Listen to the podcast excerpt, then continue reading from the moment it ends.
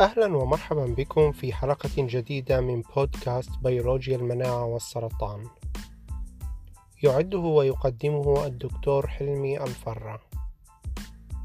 في الحلقة الماضية ذكرت أنه 800 مليون شخص يموتون كل سنة بسبب السرطان. وكلما طال عمر الشخص كلما زادت احتمالية إصابته بالسرطان.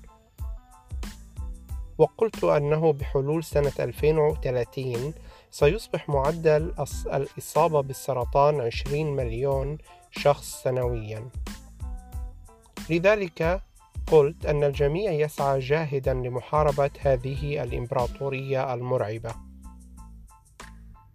في حلقة اليوم سنتعرف على هذه الإمبراطورية وعلى تعريف السرطان. من, من البداية ومن أين جاءت تسميته بالسرطان وأسماء أخرى للسرطان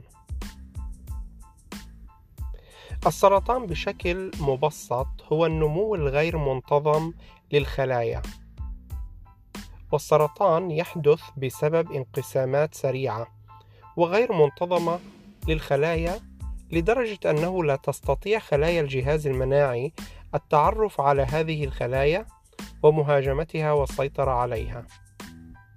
خلايا السرطان قد تصيب عضو أو أي مكان في الجسم فقد تكون في الخلايا الدماغية أو خلايا الرئة أو تكون في خلايا الدم أو تكون في الكبد أو أي نسيج أو عضو في جسم الإنسان. السرطان يوصف بأنه ورم وهو ما يعني انتفاخ يحدث في مكان ما في الجسم.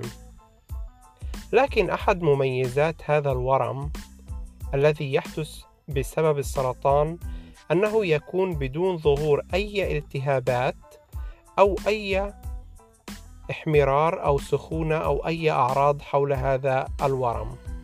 مثلا إذا انجرح الشخص أو طلع له دمل البعض يسميه خراج. تظهر التهابات حول الخراج واحمرار وسخونة حول هذا الخراج فيتم التعرف عليه مباشرة. لكن للأسف الورم السرطاني لا يحدث فيه هذه الأعراض.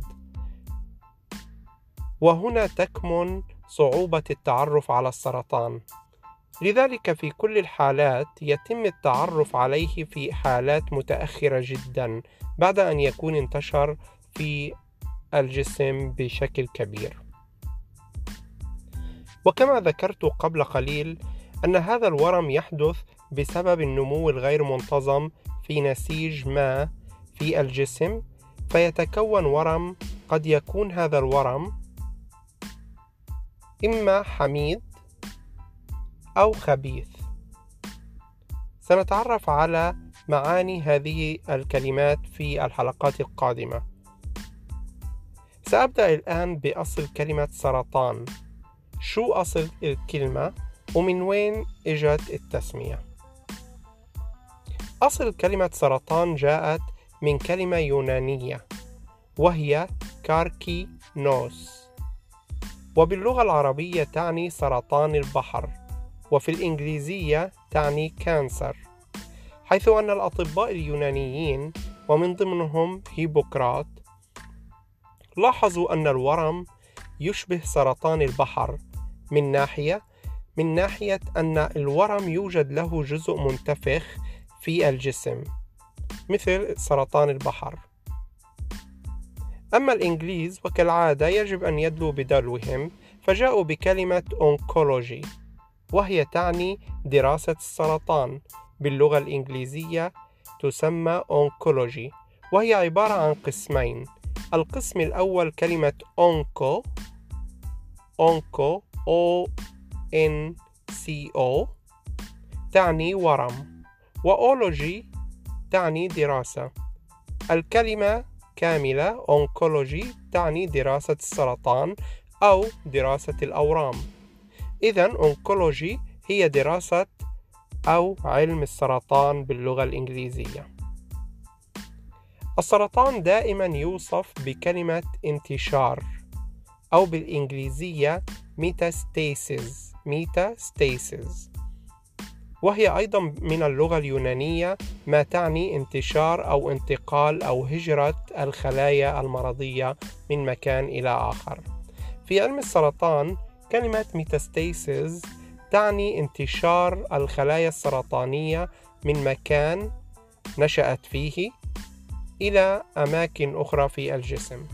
فمثلا قد يبدأ السرطان في الرئتين ويتطور ويتضخم. الخلايا السرطانية تهاجر من الرئتين إلى المخ فينتشر السرطان في المخ أو قد تنتشر من آه، الرئتين إلى الكبد أو تنتشر إلى باقي أعضاء الجسم.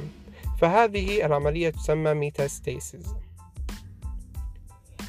سأكتفي بهذا القدر في هذه الحلقة وأتمنى أن تكون حلقة مفيدة للجميع وتكون مقدمة سهلة ومشجعة للجميع. على